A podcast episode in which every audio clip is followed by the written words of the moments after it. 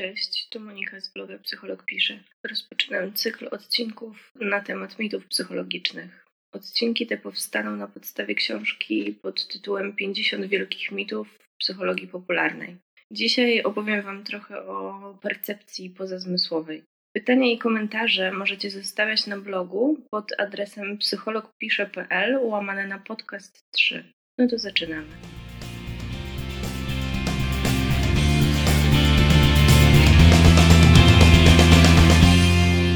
Przeżywasz trudne chwile w miłości, masz kłopoty finansowe, nie wiesz co dalej robić ze swoim życiem, pamiętaj, że poradę zawsze możesz zadzwonić do wróżbity Macieja, wróżki Leokadii lub jasnowidza Jacka. Ten sposób radzenia sobie z problemami był i jest nadal bardzo popularny na przykład w Stanach Zjednoczonych na początku XXI wieku. I na przykład w 2002 roku przyniósł prawie miliardowy dochód słynnej medium Cleo i jej współpracownikom dlaczego tak się stało i dlaczego do tej pory ludzie oglądają w środku nocy programy, w których występują wróżki i dzwonią do nich z błaganiem o pomoc w rozwiązywaniu życiowych problemów. Jednym z powodów może być nieumiejętność radzenia sobie, niska samoocena i na przykład niepewność siebie. Ale dzisiaj opowiem Wam pokrótce o drugim powodzie, jakim jest wiara w zdolności paranormalne i percepcję pozazmysłową. I co ciekawe, dotyczy to nie tylko wróżek i jasnowidzów, ale także psychologów i psychiatrów. Według najnowszych badań blisko 31% ludzi wierzy w istnienie telepatii lub komunikacji między umysłami ludzkimi bez wykorzystania tradycyjnych zmysłów, takich jak dotyk, wzrok czy słuch, a 26% wierzy w jasnowictwo lub zdolność umysłu do poznania przeszłości i przewidywania przyszłości. Czy to dużo? Odpowiedzcie sobie na to pytanie sami. Jak się okazuje, badaniom ankietowym poddano nie tylko szarych Kowalskich, czy może raczej w Stanach Zjednoczonych Jonesów, ale także naukowców. I ponad połowa z tysiąca badanych żywi przekonanie, że percepcja pozazmysłowa to fakt lub wysoce prawdopodobna możliwość.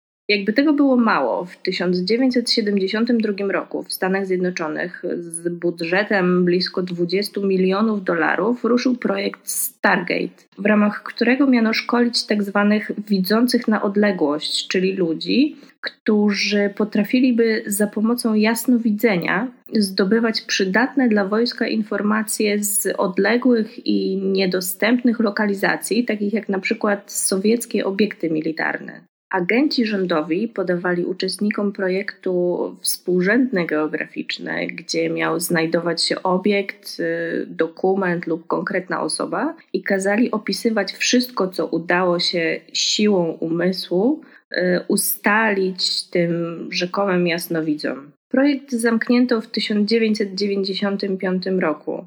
Jak widać, potrzebowano ponad 20 lat, by ktoś doszedł wreszcie do wniosku, że w ten sposób ch chyba jednak nie uda się zdobyć informacji istotnych dla obronności kraju. Później sprawa stała się głośna, gdy politycy zaczęli się nią mocniej interesować i powołano nawet specjalną komisję, która miała ocenić, czy aby przypadkiem nie wyrzucono kilkudziesięciu milionów dolarów w błoto. Jak sądzicie, wyrzucono? Jeśli naukowe poparcie dla percepcji pozazmysłowej jest tak słabe, to dlaczego wielu ludzi w to wierzy? Powodów jest kilka. Po pierwsze, już w dzieciństwie za pomocą mediów stykamy się z opowieściami o zjawiskach paranormalnych. Mamy więc dziesiątki albo i setki poświęconych im programów i seriali telewizyjnych. Na przykład e, choćby ostatnio wznowiony serial z Archiwum X, czy Medium, Fringe, Strefa Mroku, czy Po tamtej stronie.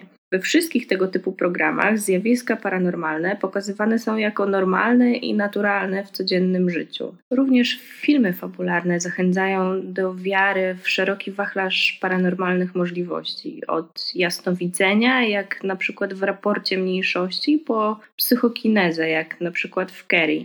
Drugim powodem, dla którego ludzie wierzą w percepcję pozazmysłową, jest silna potrzeba wiary w coś większego niż my sami, w rzeczywistość, która wykracza poza to, co można poczuć zmysłami. Po trzecie, do wiary w zjawiska paranormalne przyczynia się także niewątpliwie powszechna skłonność ludzi do emocjonalnego reagowania na rzadkie zjawiska, dramatyczne wydarzenia i nieoczekiwane zbiegi okoliczności. Jakiś przykład?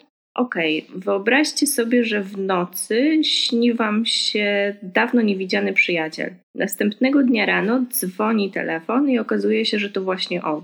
Wiele osób uzna, że to zdarzenie jest tak nieprawdopodobne, że po prostu musi mieć charakter paranormalny i że przyciągnęło przyjaciela telepatycznie myślami. Ludzie zwykle nie zdają sobie sprawy z tego, jak często takie sytuacje zdarzają się z przyczyn losowych. Czy wiecie na przykład, jaka jest szansa, że w grupie 25 osób co najmniej dwie osoby obchodzą urodziny tego samego dnia? To aż 50%. Natomiast w grupie 35 osób to aż 85%. Dużo, prawda? Musimy także pamiętać o tym, że nasza pamięć i postrzeganie działają bardzo wybiórczo. Zapamiętujemy zdarzenia, które potwierdzają nasze przekonania, natomiast ignorujemy lub po prostu zapominamy te, które ich nie potwierdzają. Ludzie, którzy wierzą w zjawiska paranormalne, mogą mieć zatem większą skłonność do zapamiętywania i przypisywania szczególnego znaczenia zdarzeniom podpadającym pod kategorię paranormalnych, mimo iż są one rezultatem zwykłego zbiegu okoliczności. Zapamiętacie telefon przyjaciela, jeśli wydarzył się tuż po waszym śnie. Gdyby zadzwonił kilka tygodni później i ktoś wtedy zapytałby was o wiarę w przyciąganie myślami czy inne zjawiska paranormalne, jak wtedy byście odpowiedzieli? A teraz trochę o badaniach. Z racji tego, że percepcja pozazmysłowa wydawała się ludziom realna, już w latach 30. ubiegłego wieku zajęli się nim naukowcy. Jedne z pierwszych opisanych badań przeprowadziło małżeństwo Josepha i Louisy Banks Rhine w 1933 roku przy pomocy tzw. Tak kart Zenera. Uczestnicy mieli odgadnąć jeden z pięciu standardowych symboli, takich jak gwiazda, trójkąt, linia falista, krzyż i kwadrat, widniejących na kartach, które pokazywano im w zamkniętych kopertach. O dziwo, badaczom udało się uzyskać pozytywne wyniki, natomiast żaden inny kolejny zespół badaczy nie powtórzył już ich sukcesu. Do dziś mówi się, że przez koperty widać było zarys kształtów symboli pokazywanych osobom badanym. Czy tak było w rzeczywistości? Cóż, trzeba byłoby chyba wziąć udział w podobnym badaniu. Jak dotąd jednak najwięcej uwagi poświęcono badaniom prowadzonym przy użyciu tzw. Tak techniki Gansfeld. Opiera się ona na deprywacji sensorycznej. Wprowadzamy swój mózg w stan szoku, w którym nie odbiera on niemal żadnych bodźców i sam zaczyna je sobie wytwarzać w postaci dziwnych obrazów i dźwięków. W kolejnym etapie eksperymentu osoba siedząca w innym pokoju próbuje przekazać osobom badanym różne obrazy siłą własnego umysłu, a ci oceniają potem stopień zgodności z wizualizacjami, jakie mieli w czasie deprywacji sensorycznej.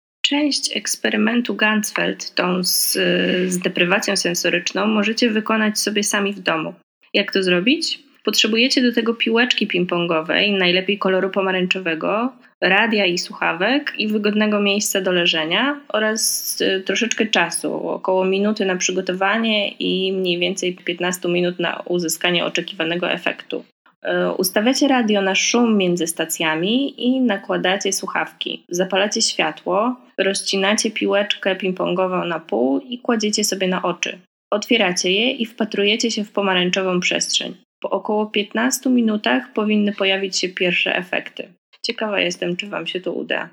A wracając jeszcze do badań, w 1994 roku, na łamach jednego z popularnych czasopism psychologicznych w Stanach Zjednoczonych, dwóch naukowców postanowiło przeanalizować blisko 40 eksperymentów techniką Gansfeld. Jak się okazało, uzyskane wyniki są zgodne z rozkładem całkowicie losowym. I podsumowując te moje rozważania, Samo istnienie pozazmysłowej percepcji przeczyłoby większości ugruntowanym prawom fizyki dotyczącym przestrzeni, czasu czy materii. Do przekonania naukowców, że zjawiska paranormalne rzeczywiście istnieją, mógłby przyczynić się jedynie nad wyraz rzetelny program badawczy, który by jednoznacznie potwierdził ich istnienie. I bez względu na to, czy wierzycie w zjawiska paranormalne, czy też nie, to mimo wszystko proponuję jednak nie podejmować ważnych życiowych decyzji na podstawie tego, co mówi Wam przez telefon, z telewizora, czy nawet twarzą w twarz wróżbita, wróżka czy jasnowic. Dziękuję Wam za wysłuchanie dzisiejszego podcastu o percepcji pozazmysłowej i mitach z tym związanych. Przypominam, że pytania i komentarze możecie zostawiać na blogu pod adresem psychologpisze.pl łamane na podcast 3. Do usłyszenia już niedługo.